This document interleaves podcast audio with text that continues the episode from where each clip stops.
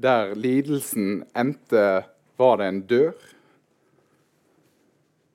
Med denne linja så åpner Louise Glick samlingen som gjerne blir sett på som hennes hovedverk. 'Wild Iris', eller på norsk 'Vill Iris'. Der lidelsen endte, var det en dør.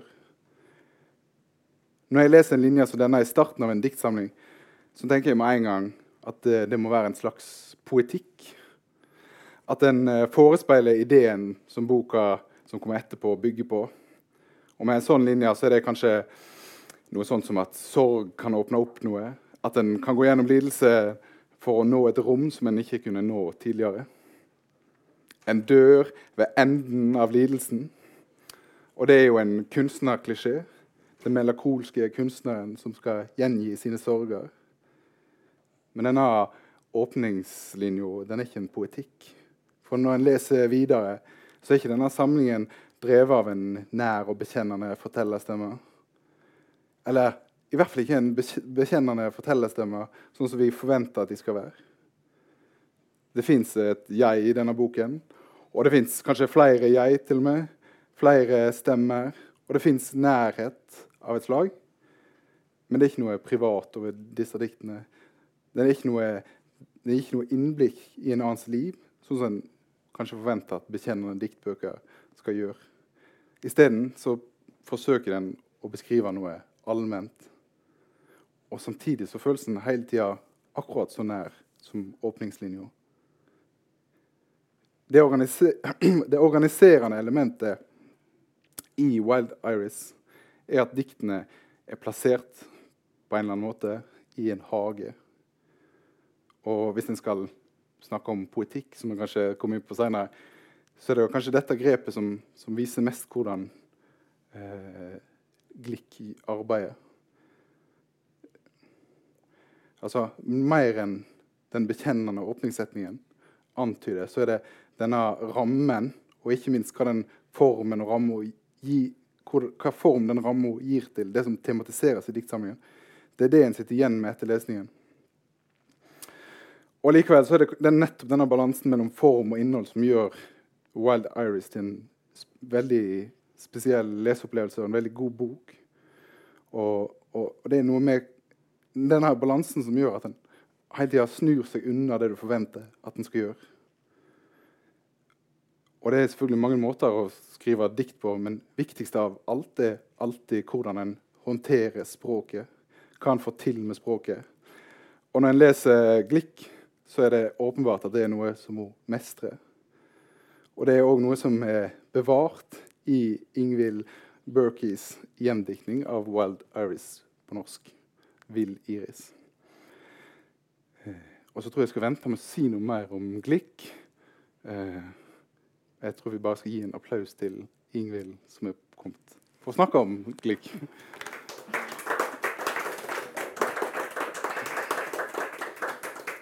Og før vi, før vi, sier noen ting, så, eh, så, er det fint å høre, høre glikk i din eh, i din gjenvirkning?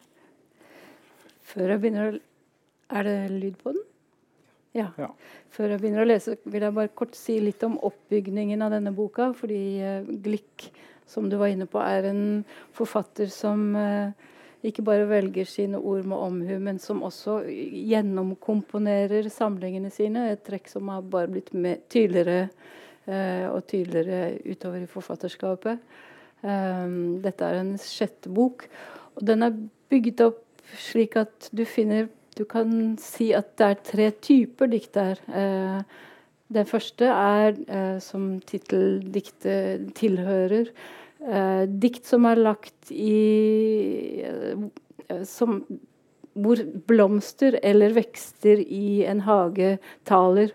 Det er et eh, eh, Det er mange skarer av forskjellige jeg i denne boken. og du har blomsterdikt eller plantedikt, og så har du et, uh, et dikter- eller gartner-jeg som henvender seg gjerne til en fraværende gud, med dikt med titler 'Ottesang' eller 'Aftensang', hvor det er en klar gudshenvendelse.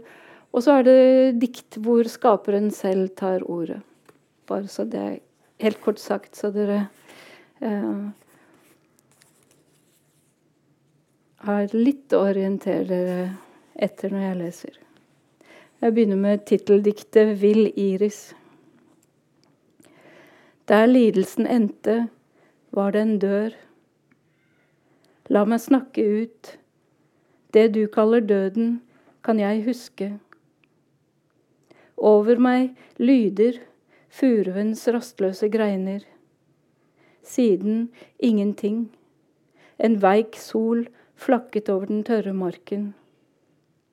Det er fryktelig å overleve som bevissthet begravet i mørk jord. Så var det over, det du frykter, å være en sjel og ute av stand til å snakke, endte brått, den stive jorden ga forsiktig etter. Og noe jeg tok for å være fugler, pilte i det lave buskaset. Du som ikke husker overfarten fra en annen verden, jeg sier deg at jeg kunne snakke igjen. Det som vender tilbake fra glemselen, vender tilbake for å finne en stemme. Fra kjernen i mitt liv sprang en veldig kilde, dypblå skygger på asurblått hav.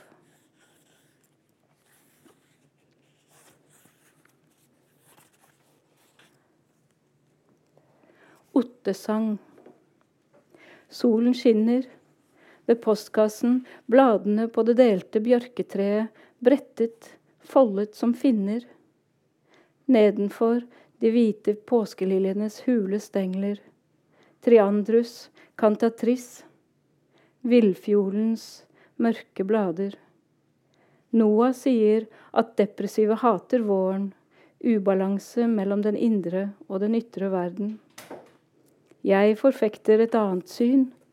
Deprimert, ja vel, men på et vis lidenskapelig knyttet til det levende treet, kroppen min sammenkrøllet i den kløvde stammen, nesten fredfull, nesten i stand til å føle sevjen skumme og stige i kveldsregnet. Noah sier dette er en feil depressive gjør, å se seg selv i et tre, mens den sorgløse vandrer i hagen som et fallende løv. Et bilde på delen ikke det hele.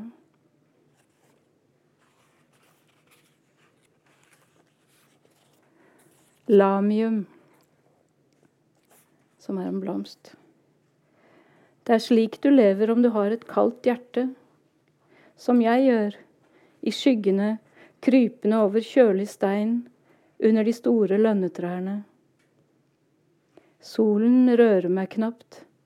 Det hender jeg ser den tidlig om våren, den stiger langt borte. Så vokser løvverket sammen og skjuler den fullstendig. Jeg kjenner den glimte gjennom bladene, ustadig, som når noen slår en metallskje mot siden av et glass. Ikke alt som lever, krever like mye lys.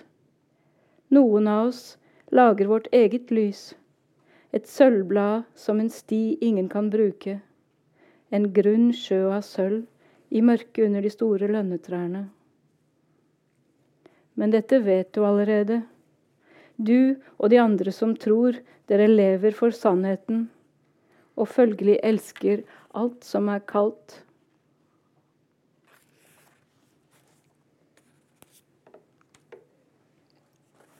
Klar morgen. Jeg har betraktet dere lenge nok. Jeg kan snakke til dere som jeg vil. Jeg har føyd meg etter deres tilbøyeligheter, tålmodig notert meg hva dere elsker, talt til dere utelukkende gjennom redskaper, i jordiske detaljer, slik dere foretrekker. Slyngtråder av blå klematis. Lyset tidlig om kvelden. Dere ville aldri godta en stemme som min likegyldig til tingene dere navngir så ivrig, munnene deres små sirkler av ærefrykt. Og hele denne tiden har jeg båret over med deres begrensninger, tenkt at dere selv ville kaste dem av dere før eller senere, tenkt at materien ikke vil kunne fastholde blikket deres til evig tid. motarbeidet av Klematisen som maler blå blomster på verandavinduet. Jeg kan ikke fortsette å innskrenke meg til bilder, fordi dere tror det er deres rett å bestride min mening. Jeg er rede nå til å påtvinge dere klarhet.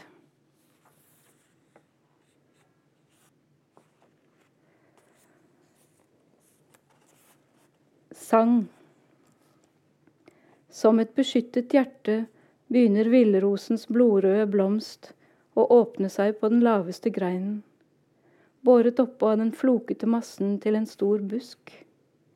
Den blomstrer mot mørket, som er hjertets bestandige bakgrunn, mens blomster høyere oppe har visnet eller råtnet.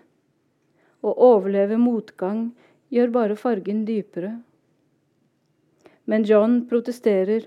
Han mener at hvis dette ikke var et dikt, men en virkelig hage, ville den røde rosen ikke behøve å ligne noe annet verken en annen blomst eller det skyggefulle hjertet, som pulserer på bakkeplan, halvt burgunder, halvt karmosin. Kanskje jeg skal stoppe der for nå? Det er veldig fint. Takk skal du ha. Dere trenger ikke å klappe sånn hver gang, da. jeg tenker eh, vi skal komme tilbake til, til akkurat denne boka litt senere. Og så skal vi også komme tilbake til det som jeg ikke nevnte i, i introduksjonen min, men som er kanskje grunnen til at, til at vi sitter her og snakker om Glick, altså det at hun fikk Nobelprisen i fjor. Men, uh, men først så trenger vi litt, uh, litt uh, historiske og litteraturhistoriske rammer. Så jeg tenkte vi kunne begynne med bare et veldig åpent spørsmål. Hvem er Louise Glick? Jeg kan kanskje begynne helt kort å si noe om hennes uh, biografi, bare for å plassere en litt sånn. Hun er født i 1943 uh, på Long Island, eller hun vokste i hvert fall opp i Long Island i New York. I en familie av uh, må man vel kunne si sekulære amerikanske jøder med bakgrunn fra Ungarn i faren hennes tilfelle. Og jeg tror Moren hennes vet jeg faktisk ikke, men jeg tror østeuropeisk jødiske uh, ja, Russiske, tror jeg. Ja, det er det jeg også har eh, Jeg vet ikke hvor jeg har lest det, men uh, da er det ikke bare jeg som har funnet opp. Jeg trodde også russiske. Nei, ja. I alle fall um, Hun har skrevet veldig, veldig godt om sin egen oppvekst i en form for poetikk i uh, et, et ganske tidlig essay som heter 'The Education of the Poet', i denne boka her. Eh, hvor hun forteller mye om familiebakgrunnen, men også om eh, sin egen eh, Ja, kan du si Ja. Jeg vil ikke bruke ordet kamp. Da er vi rett tilbake i Knausgård. altså, hun, hun i, et sted i tenåringene gikk inn i en veldig uh, uh, dyp anoreksi, som varte i syv-åtte år, og som på et uh, tidspunkt uh, visstnok var livstruende. Uh, hun var såpass syk en stund at det var umulig for henne å fullføre noen form for formell utdannelse. Uh, og havnet i stedet som et det var visst hennes egen eh, vilje å da påbegynne en psykoanalyse. Så hun gikk i, tror jeg, nesten syv sammenhengende år eh, i psykoanalyse. En klassisk eh, freudiansk psykoanalyse. Og har selv skrevet at dette eh, på et vis lærte henne å tenke og, og rette sitt eget kritiske blikk også mot seg selv. Um, og det, jeg opplever at når man leser diktene hennes, så er denne psykoanalytiske skoleringen ganske åpenbar i hvordan hun ikke slår seg til ro med åpenbare forklaringer, heller ikke med sine egne uh, verken litterære vaner eller um, synsmåter. Uh, det er et blikk som ikke bare undergraver oppleste sannheter om verden, men i tillegg stadig undergraver sine egne uh, vedtatte sannheter om verden og selv. Og det er veldig interessant, syns jeg. og også dette altså, eh, den eh, psykoanalytiske og freudianske oppdelingen av sinn i ego, superego og id. Du kan finne dette til dels eksplisitt i noen av bøkene hennes, men også i måten eh, diktsamlingene, mange av diktsamlingene eh, veldig ofte Det er et ikke et splittet selv, men du, du finner eh, jeget plassert i så mange forskjellige eh, Det er et jeg med mange aspekter, som like gjerne kan snakke ut fra en metemark som fra en flaggermus, som fra skaperen selv. Eh, og nettopp i 'Vill Iris' så opplever jeg at denne tredelingen i boka mellom på den ene side blomster- og plantedikt, hvor den som taler, er en vekst. Og denne ganske depressive gartnerskikkelsen som prøver å få skaperen i tale, og endelig skaperen selv, som faktisk svarer, men på et språk som kanskje eh, dikterjeget eh, ikke, ikke, kan høre eller ikke kan forstå. Men at det også er på en måte eh, jeg opplever det som aspekter av ett og samme sinn, som, som uh, krangler med seg selv, som diskuterer med seg selv, som eh, uh, en slags Som jeg har skrevet i en sammenheng, en slags filosofisk brytekamp mellom altet på den ene side og intetheten på den andre. Um, det er nok sikkert er sånn, Nå havner jeg rett tilbake i Vilje, så det går helt fint. altså. Men det er nok Ja, det er nok, ja. ja nei, hvor skulle nei, nei, vi egentlig det fint, men, men, det, men, det, men, det er nok Altså det, eh, det er fint mulig å lese den eh, og tenke at her er det ett jeg hele veien.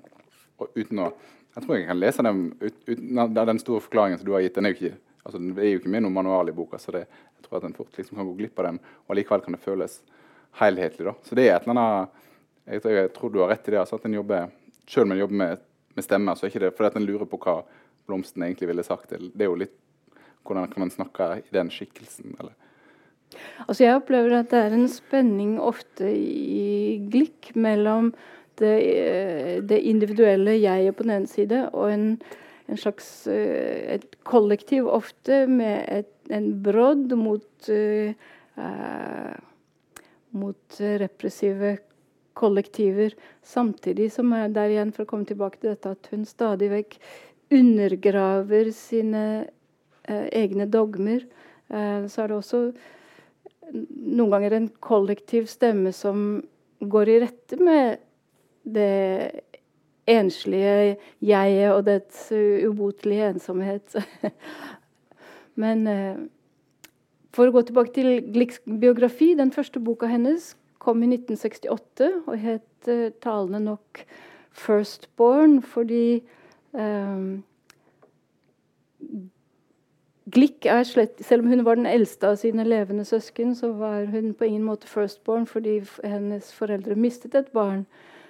Uh, og det at hun kaller sin første bok 'Firstborn' Allerede der har du på en måte dette fraværet, denne, denne mangelen, som er den, nettopp den søsteren som ikke levde opp. Um, så er det en lang pause på nesten syv år før neste bok kommer i 1975. Uh, som heter 'The House on Marshland'. Som uh, har mange dikt om en ganske intim familiesfære.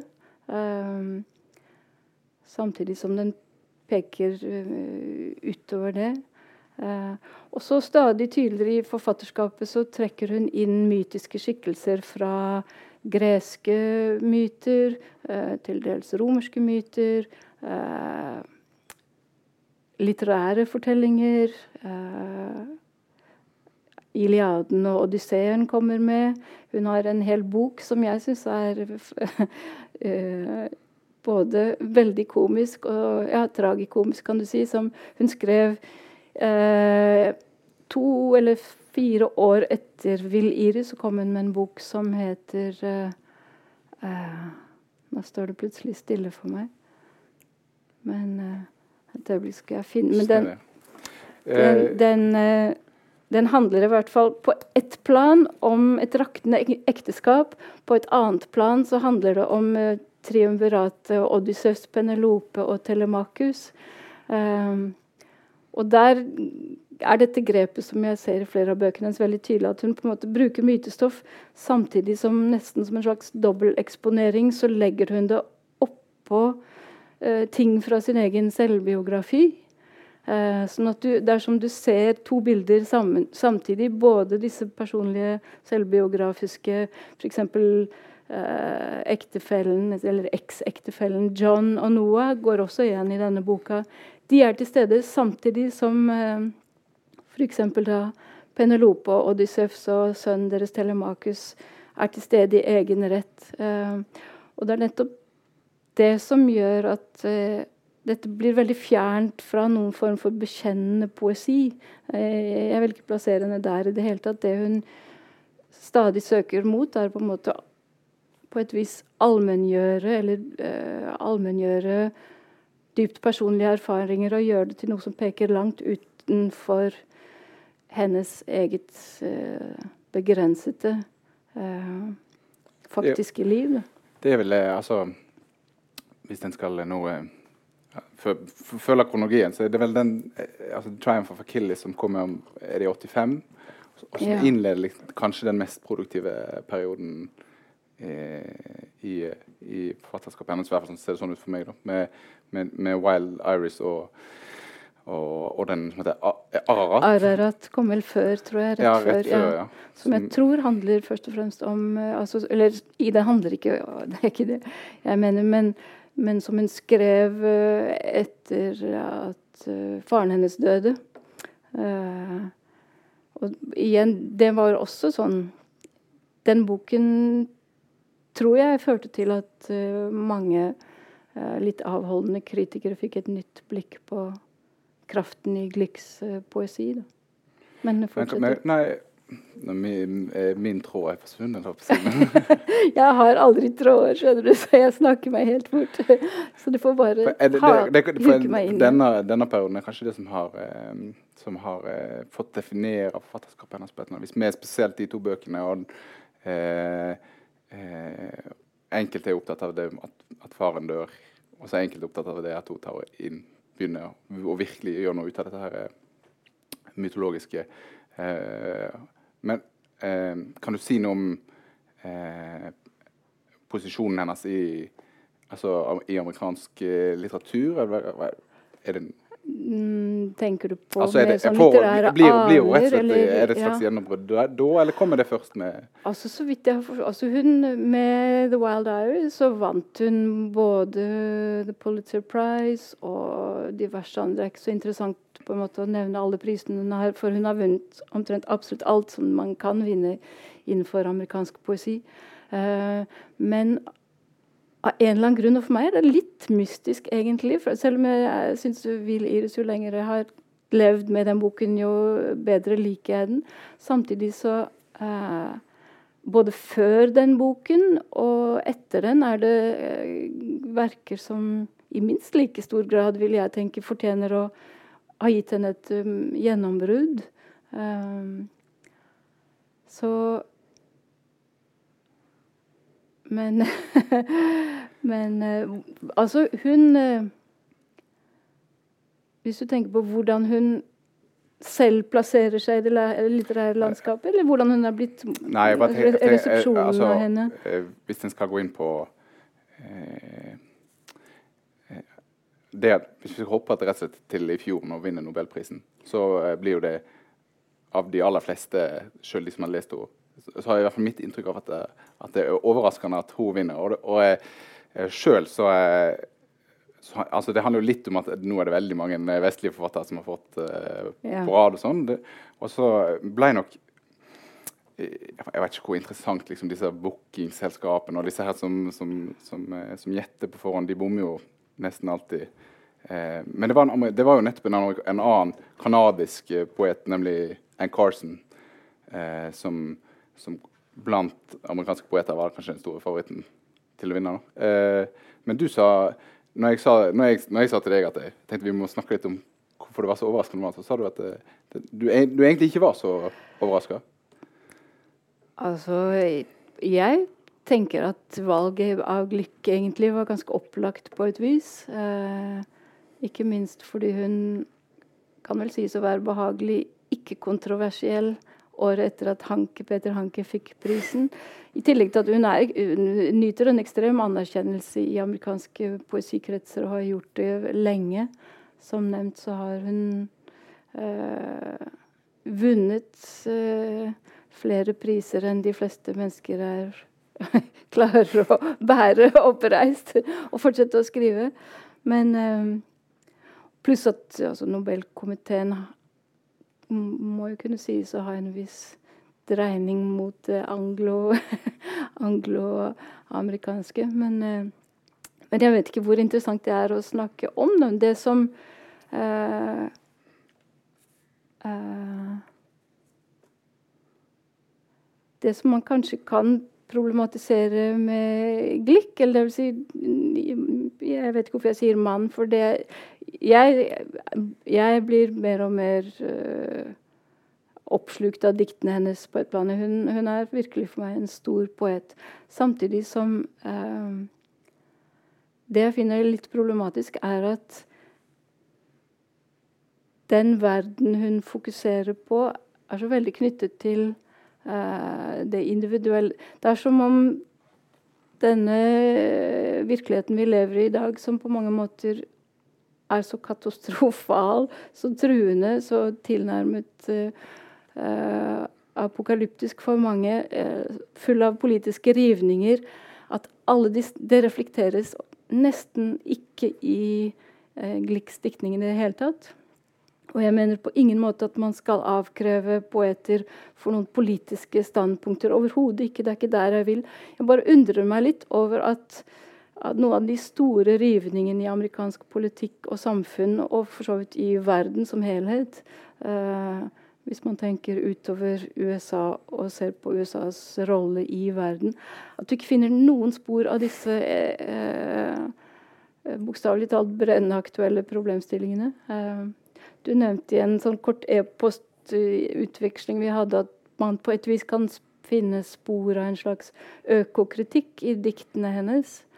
Men jeg vel Det er vel kanskje jeg tenker, faktisk ja. de, altså Det andre diktet i Viljeris, så er det jo den her deprimerte som ser seg sjøl i, i jeg synes det Kanskje det er et, et, eksempel på det. da, Den deprimerte som ser seg sjøl som en del av verden. Og så liksom den, eh, den normale karakteren sier at, uh, at, det, at det på en måte det ødelagte sinnet sitt blikk på naturen. Eller, det fins i hvert fall et eller annet, men det kan være at en, at en sånn lesning er, på en måte veldig, At en ønsker veldig at hun skal være mer kritisk enn hun kanskje er? eller? Altså, hun, hun, det er stadig I uh, Glicks diktning så finner du stadig på en måte begrepspar som hun til dels prøver å opplyse eller setter opp mot hverandre. En, eh, Eh, du har på den ene siden en veldig sterk metafysisk dragning i diktene hennes, som minner litt om Elliot på et vis. Altså denne eh, lengselen etter det absolutte, det evige, det uforanderlige, det som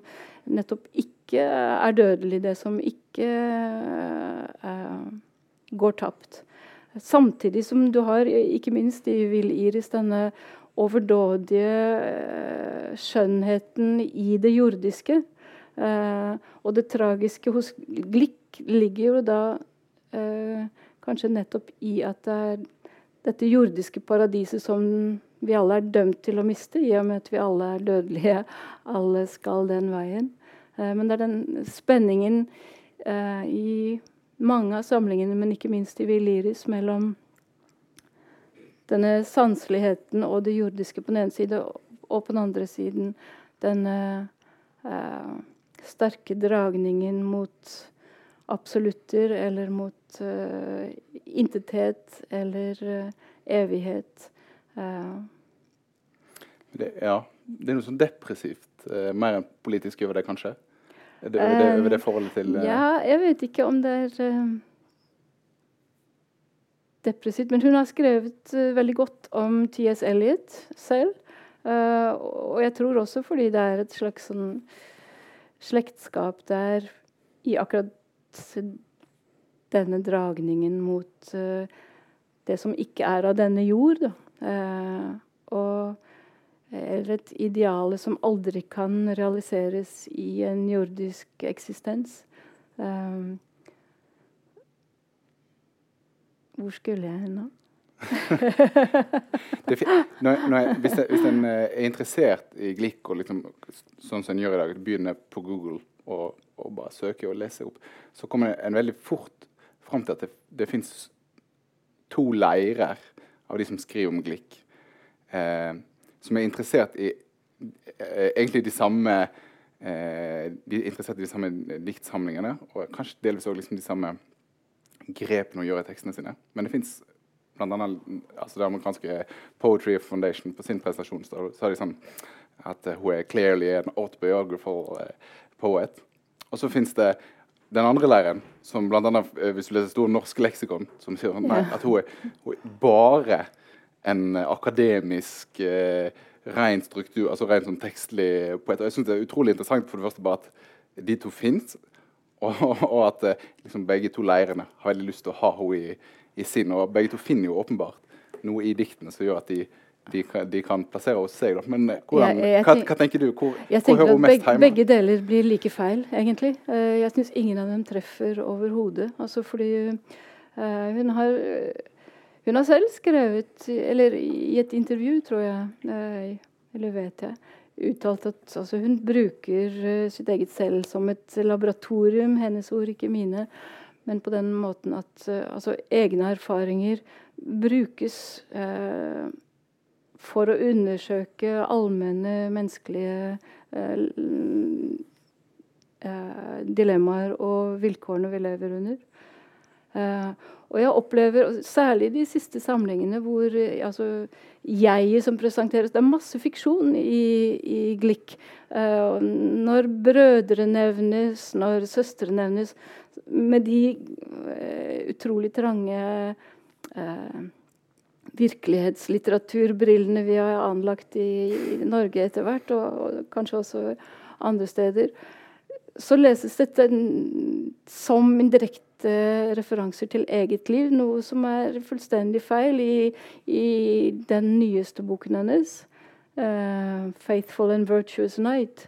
Så skriver hun seg bl.a. inn i en aldrende mannlig homofil eh, maler Eh, som ikke har noe med hennes biografi de, eh, Og de oppleves minst like eh, også det, det er veldig sterke dikt, det er veldig troverdige dikt. Samtidig som det har intet å gjøre med hennes faktiske biografi. Eh, og tilsvarende med hennes bruk av mytestoffet, som tar det langt, langt, langt bortenfor Spisevegring, oppvekst på Long Island, alle disse markørene for hennes uh, uh, private, personlige liv. Samtidig, Hun gjør noe mye annet. Samtidig som, som alle som skriver et, altså, uh, Livet du lever, gjør noe grunnleggende med deg. Uh, hvis du kjenner smerte, og hvis du vet hva lidelse er, eller hvis du vet hva lykke og ekstase er, så er det fordi du har opplevd det eh, i helt konkrete sammenhenger. Så alle disse erfaringene er jo eh, Det tenker jeg alle som skriver, har som et utgangspunkt. Fordi vi, vi sanser verden, vi tar verden inn gjennom det ene eh, skrinne bevisstheten vi nå en gang er dømt til å se verden ut fra. Men, men spørsmålet er hva du gjør med den. da, Hva du gjør med det, hva du tar inn av andre eh, hvordan En ting jeg liker med Glykke, er om hvordan stadig vekk prøver å utvide perspektivet langt hinsides sine egne eh, biografiske begrensninger. Da. Men samtidig vil hun ikke liksom, gå i den leiren som egentlig gjør at hun er en akademisk eh, At hun angriper det akademisk, det å skrive? Ja, jeg, jeg, forstår ikke egentlig hva de mener med dette akademiske. Nei, det er ikke min formulering. Nei, nei, nei jeg, jeg, mener ikke å Jeg, jeg nei, nei, snakket men, om det i stad, men, men uh, uh, Altså at hun at hun har, har, lest mye klassisk litteratur og, sagt, og, satt enormt pris på den, er det jo ingen, ingen tvil om. Altså, hennes tidligere Hun nevner bl.a. at hun veldig tidlig leste både Shakespeare og Keats og Blake. Senere Elliot og Yates og um, uh, William Carlos Williams er også en uh, også, Og Dickinson, selvfølgelig. Men, uh, men jeg forstår rett og slett ikke hva de prøver å si med det akademiske. Hun, at de mener at hun er god, da. At egentlig altså, er, du kan kalle henne en, en klassisk poet i den forstand at det har hun selv også eh, interessant nok sagt i et intervju, at noe av det hun eller nei, I et essay tror jeg hun skriver at det hun mest kjemper mot i sin egen skrift, er uh, romance, altså romantikken. Uh, nettopp fordi uh, Jeg tror hun opplever det som altså, Det er nesten et synonym med illusjon, med, med med tåkedis, mens det hun uh, Hun har et veldig fokus på dette nesten uoversettelige begrepet 'mind'. Uh, altså denne klare analytiske tanken, som igjen, for å gå tilbake til psykoanalysen, hun, uh, som hun sier lærte henne å tenke. Dette analytiske eh, på et vis kjølige blikket som eh, ikke bare hever seg over verdens detaljer, men som hever seg over jegets eh, uh, ja, jeg, jeg synes Hun er jo.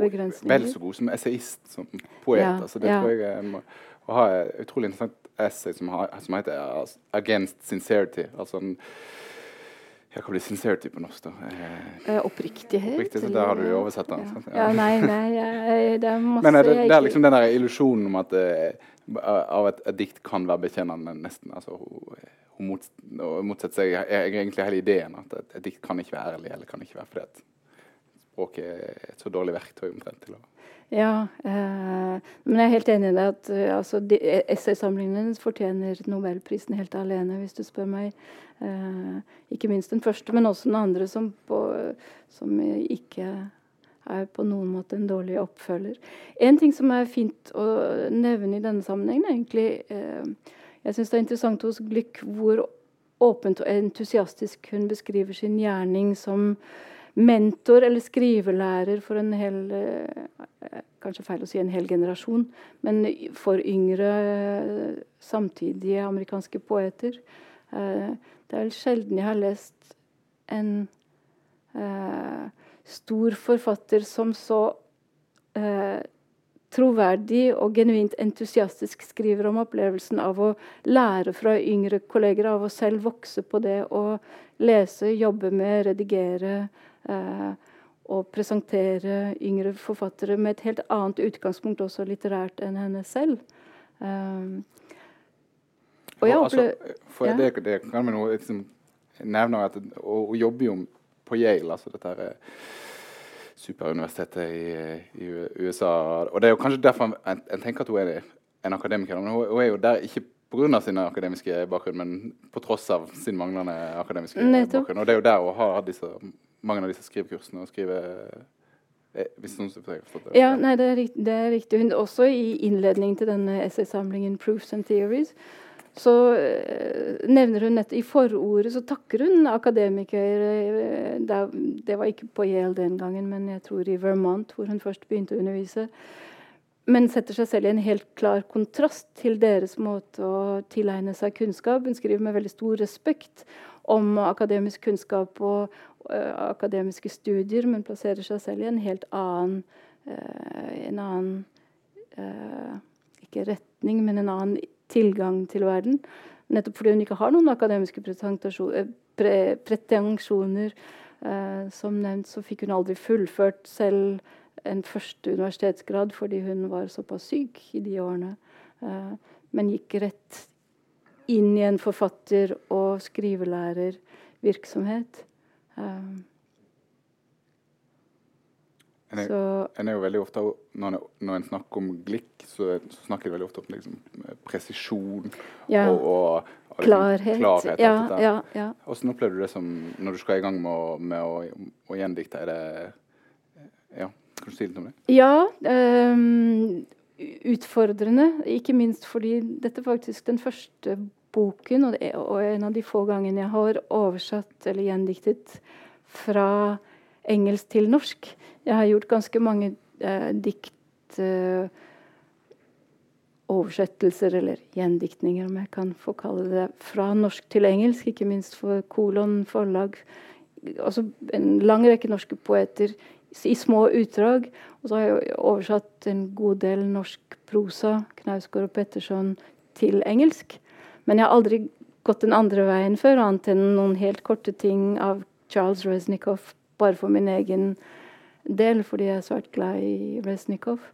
Men, så det var en stor utfordring, også sånn rent språklig. Og fordi engelsk uh, er et ordrikt språk. Det er et språk som har tatt inn i seg eh, språk og tradisjoner fra nærmest hele verden. På samme måte som engelsk kolonialisme la under seg hele verden, så har de også eh, i stor grad trukket mye rikdom inn i det engelske språket fra mange verdensdeler.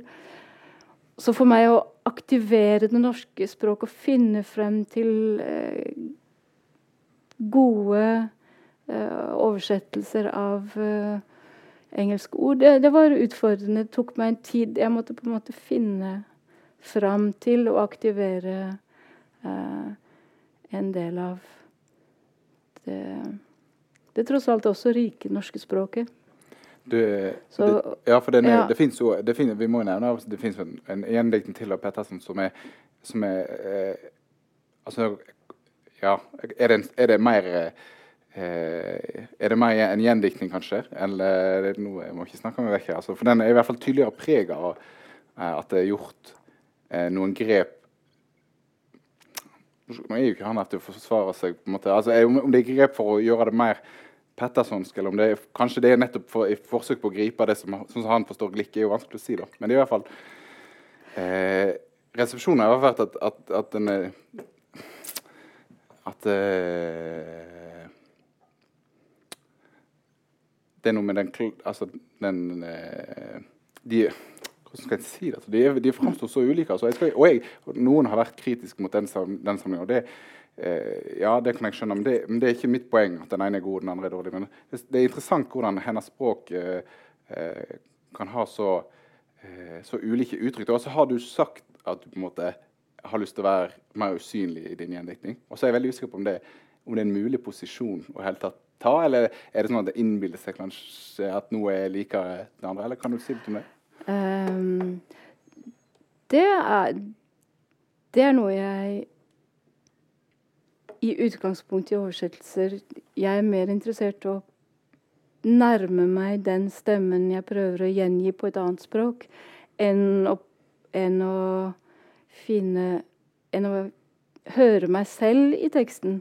Uh, men, men, jeg vil straks ile til å si at når det gjelder uh, Per Pettersons gjendiktning, så jeg, jeg syns den er veldig vakker. Det var det første jeg leste av Glick, faktisk. Uh, for det var ikke slik at det var jeg som kom til oktober og spurte om jeg kunne få gjendikte Glick. Det var oktober som eh, spurte meg. Så det jeg hadde lest av Glick eh, i utgangspunktet, var bare Per Pettersons eh, gjendiktning. Og den bærer selvfølgelig preg av å være hans eh, østnorsk. Um, men jeg syns det er en bevegende bok, og Og jeg tror jeg kan ikke tenke meg at han Ja, nei, det er vanskelig å si noe om dette. Men jeg, jeg, det er vanskelig å se for seg en, en riksmålsgjendiktning ført til pennen av Per Petterson. Ja. Uh, og det syns jeg er et helt legitimt valg han har gjort. Uh, når det gjelder min egen inngang til det å gjendikte og oversette, så Eh, det er vel kanskje litt at jeg, jeg, liker ikke spesielt godt å være meg selv, så det er veldig godt å få lov å slippe å Og om, når jeg skriver, så ønsker jeg jo gjerne få lov å være noen helt andre. Det er det mm. som er til dels drivkraften i å, å ikke måtte sitte fast i mitt eget språk. Da. Så Samtidig som riksmål faller meg veldig Det er, ikke, det er ikke en riksmålsgjendikting, men et, et, relativt konservativt bokmål faller meg veldig naturlig fordi familiebakgrunnen min der jeg vokste opp osv. Ja, Men, det, for, det, eh, for det er jo liksom noe Det er jo kanskje en annen diskusjon om at riksmålet er nærmere akademisk engelsk. eh, Men altså, det er jo en, Ja. jeg tror kanskje en sånn, et, en sånn illusjon som vi har det uartikulert i oss. da. Men- Ja. Um, men om det er en illusjon å tro at Ja, det er selvfølgelig for, Også fordi et, å gjendikte Det ligger alltid en tolkning bak. Uh, og dikt uh, kan alltid, selvfølgelig, innlysende tolkes på veldig mange måter. Uh, og min personlige oppleving av et dikt, som jeg vil selvfølgelig Altså eh, valget mellom ett ord og et annet vil selvfølgelig også gjenspeile gjendikterens eh, eh, Også estetiske preferanser, men kanskje først og fremst annammelse av diktet det gjelder. Da. Eh, så, så jeg er sikkert Det er sikkert noen tilsnikelser. Det er sikkert setninger i denne gjendiktningen som er mer uh, meg enn Glick. Men uh, de er kanskje bedre skjult enn Jeg skulle gjerne Ja. Jeg syns uh, vi, du, eh, du spurte faktisk på forhånd om, eh, om vi kunne ta spørsmål på salen. Nå har vi, nå har vi snart holdt på en time, så, så jeg tenkte det skal jeg nok bare gi dere en heads up for det. Eh, hvis det er noen som har lyst til å, å spørre deg om noe. Eh, men jeg synes det, noe av det som er veldig fint eh, og jeg, jeg vet folk, folk som er opptatt av litteratur, er ofte veldig lite opptatt av Nobelprisen, og kanskje opptatt av å si at de er veldig lite opptatt av det. Men jeg syns eh, eh, akkurat Dette er liksom den perfekte Nobelprisen for meg, for det er et forfatterskap som jeg har, har lest, vært borti litt, grann, ikke veldig mye, og så får du prisen. Og så, eh, og så, og så gir det rett og slett en mulighet og en anledning til å det blir gitt ut og det blir lest. og det, ja, jeg, er så utrolig, jeg er så glad for at for at det en gang iblant liksom kan virke sånn som, sånn som jeg tenker at denne prisen skal virke. Men, men tror du, Um, at- det- men tror du at dette forfatterskapet kommer og går nå liksom, i det norske samtidig? Eller, eller tror du at det kommer Glick til å sette spor på et eller annet vis? Altså, jeg håper virkelig at denne eh, Hun er jo nå nærmer seg 80. Eh, jeg håper virkelig at nobelprisen ikke blir liksom dødskysset for hennes eh, skapende virksomhet. Eh, det er vel ikke lenger en hemmelighet at det kommer en ny diktsamling nå i oktober. Ut kommer en ny bok av Glick som hun har sikkert skrevet på den en god stund, så jeg vil tro at en del av det er fra for, før. Forrige kom vel i 14, gjorde den ikke det? Jeg husker ikke. Nei, jeg tror det er det er senere enn det. Ja, Men i ja. alle fall kommer det en bok nå i oktober. Eh, så får vi se hvordan den er. Men, eh, men jeg er veldig enig med deg at nobelprisen, hvis den kan være godt for noe, så må det jo nettopp være at mange kan oppdage eh, Glicks poesi, men også like mye essayistikken, vil jeg si. Det er bare to relativt eh, smale essaysamlinger, men de er til gjengjeld så rike, så briljante, vil jeg si, i sine refleksjoner rundt uh, poetikk og og også i den siste, nyeste essaysamlingen som heter 'American Originality'. En utrolig sjenerøsitet overfor de yngre. Den siste bolken er presentasjoner av syv, åtte, ni nyere eh, amerikanske poeter. Eh, som er veldig forskjellig fra Glick selv. Og måten hun leser dem på, måten hun eh, tenker rundt dem på eh, er, er uh, utrolig imponerende. Fordi det nettopp er så uh, opplevd som veldig sjenerøst, veldig overskuddspreget. Samtidig som hun selv ganske komiske essays fremhever at hun selv er ekstremt ærgjerrig, ekstremt hårsår, ekstremt uh, Søker hevn på sine kritikere osv. Um, men det er en annen side av henne som kommer frem med disse ja, du kan kalle det entusiastiske essays fra Glicks hånd. Um, men skal jeg kanskje lese lite grann før uh, Ja, jeg synes det er fint Ja, å ta, ja. ta spørsmål Ja, først. ja, det kan til gjøre. Hvis det er noe, Hvis det er det er noe spørsmål. det er noe veldig intimt Gjerne spørsmål. Eller uh, motforestillinger eller protester eller ja. Eller uh, hva som helst, egentlig. Det er jo, det er jo enten, enten sånn så er det 1000 spørsmål, eller så er det ingen spørsmål. Det er sånn, det. Som regel ingen. Men da er det eh, tenker jeg at du skal få eh, Cecilie. Ja, det er ikke helt et spørsmål, men eh, Ja. men jeg husker at eh, da, da mm, da Nobelprisen ble tildelt, så ble det kommentert Da Nobelprisen ble til dette Glick, så ble det kommentert at dette var helt upolitisk, og det var overraskende fordi at um, man kan lese inn forskjellige politiske saker og ting i de forskjellige tildelingene. Uh, F.eks. Torkatsjuk sammen med Hanke, som på en måte speiler hverandre og uh, opphever hverandre. Altså de liksom, de, de, det er en sånn utrolig smart parsetting der, politisk. Um, og da tenkte jeg at vi var midt oppi valget i Amerika, og vi hadde Trump som kanskje vant igjen. ikke sant? Og at det faktisk var en politisk handling å gi den til Glick, som var en demokrat, tenkte jeg. Men jeg hørte aldri noen andre følge den tanken. Eh, så det kan hende det er bare meg som, eh, som fantaserer, men eh, jeg tror at de jeg tror, jeg, jeg tror det. Personlig tror jeg det. Det, jeg vet ikke i hvilken grad altså Jeg kan ikke tenke meg for så vidt at Glick skulle være republikaner. Men, men, men, jeg tenker mer hvis at det er ikke så viktig hvilket, hvilket av to onder man stemmer på i USA, men heller dette at hvis hun er en motvekt til nettopp den ekstreme idiotiseringen av amerikansk samfunnsliv og politikk som Trump og The Republican, som faren min kaller dem, så, eh, så, er nettopp eh, Glick med sin klare tanke, sitt analytiske blikk, sin eh, eh ja, alt annet enn dum. Sin tosidighet. Ja. Altså at hun mm. aldri Hun er ikke dogmatisk selv innenfor sine egne dogmer. Prøver hun stadig å undergrave eh, det dogmatiske. Så det kan du si Kanskje Jeg vet ikke, jeg aner ikke hvordan Nobelpriskomiteen tenker. Men, uh, men jeg tenker i alle fall at det er en, en god pris. Ja. Så får vi håpe at Ann Carsten uh, får den på et eller annet tidspunkt også. det, svinner, det svinner vel, det håpet.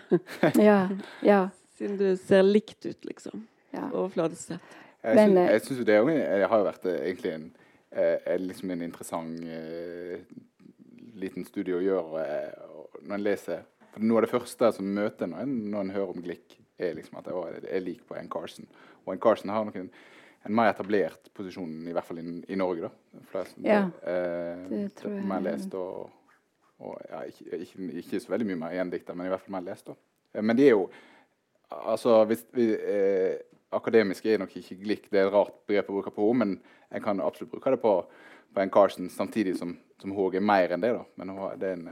Eh, ja, absolutt. Eh, de, ja. Veldig mye de, mer. De, nærmer seg jo myter, og sånt, men, men, gjør det på veldig ulike måter. da. Ja, jeg ja. tenker at det er eh, Jeg opplever de som to veldig forskjellige poeter. Like fantastiske. Det er meningsløst å sammenligne dem kanskje på den måten om hvem som er best eller ikke. Men, men jeg opplever dem som ganske forskjellige. Ganske forskjellige temperamenter til dels. Mm. Uh, Car Carson er kanskje mer eh, Mindre tragisk, mer uh, Mer mangfoldig på et vis. Eller ja. Jeg skal ikke snakke meg bort med akkurat det. Nei. Det er jo Ja.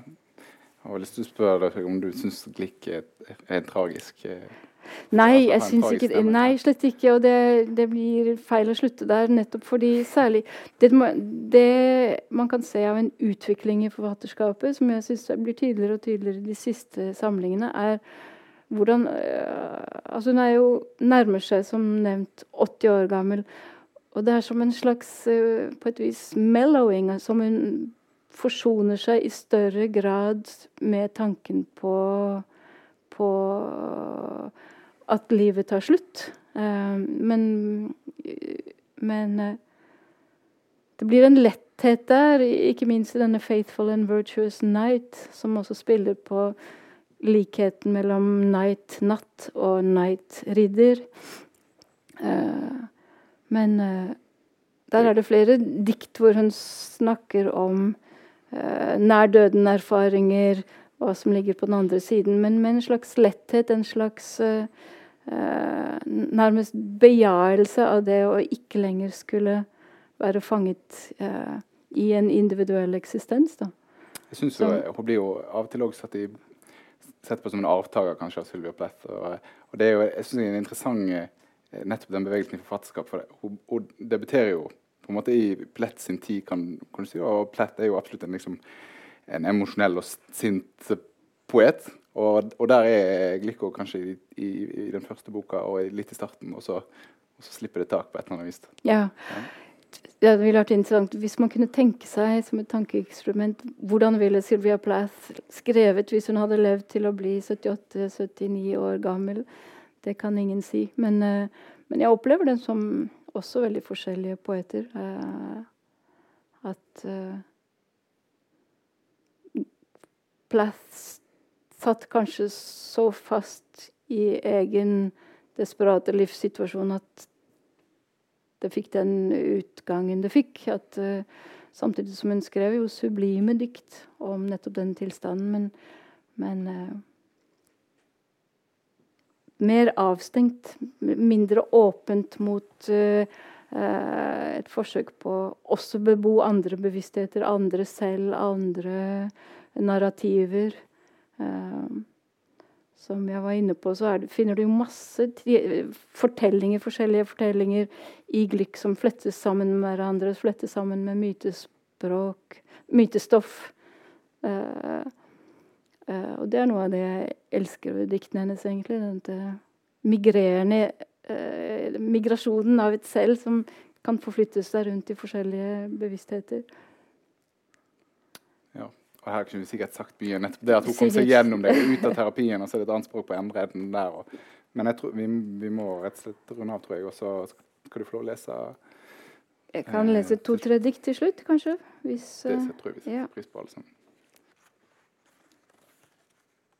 Mens du leter, så kan jeg si ja, at uh, det. Neste, neste, vi, skal tre, vi, skal ha tre, arrangementer i høst. Det neste det er, det er en stund til det er 4. november. Riktig. Ja. Da kommer jeg endelig Gunnar Wærnes. Det har vært utsatt og utsatt og utsatt. Uh, han skulle egentlig snakke om den store samleboka som han ga ut. Men nå han kommer med enda en ny bok i høst. Han har rekt å gi ut en ny bok før han kom her. Så da skal vi snakke om den òg. Jeg tror jeg kanskje bare leser ett dikt, siste dikt. Eh, som heter 'Sensommer'. Vi er jo kanskje egentlig forbi sensommer, men eh, i alle fall. Sensommer. Er det der lyd er fortsatt? Mm. Ja. Etter at alle ting falt meg inn, falt intetheten meg inn. Det er en grense for gleden jeg fant i form. Jeg er ikke som dere i dette, jeg finner ingen lettelse i et annet legeme. Jeg trenger ikke å søke ly utenfor meg selv mitt arme, beåndede skaperverk. I siste instans er dere distraksjoner, blott og bar begrensning. Når alt kommer til alt, er dere for ulike meg til å behage. Og så steile, dere vil ha betalt for å forsvinne, alle krever vederlag i sin del av jorden, en eller annen suvenir, slik dere en gang ble belønnet for arbeid, slik skriveren fikk betalt i sølv gjeteren i tønner med bygg. Selv om det ikke er jorden som består, ikke disse flisene av materie.